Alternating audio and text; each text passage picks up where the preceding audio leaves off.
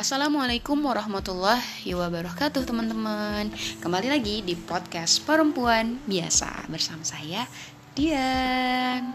Oh ya teman-teman, saya ini kepengen sekali ngebahas tentang uh, rasa insecure. Kenapa? Karena hari ini banyak sekali teman-teman saya Dan bahkan saya juga pernah ngerasain rasa itu Yakni rasa insecure ya jadi saya tuh kepengen ngebahas tentang rasa insecure itu. Uh, bagaimana uh, cara-cara mengatasinya terus gejala-gejala rasa insecure itu kayak gimana dan lain sebagainya mau saya bahas. Tapi saya kepengen uh, ngebahasnya itu jangan sendirian. Saya kepengen uh, bersama teman-teman gitu kan. Ya istilahnya kolaps lah ya.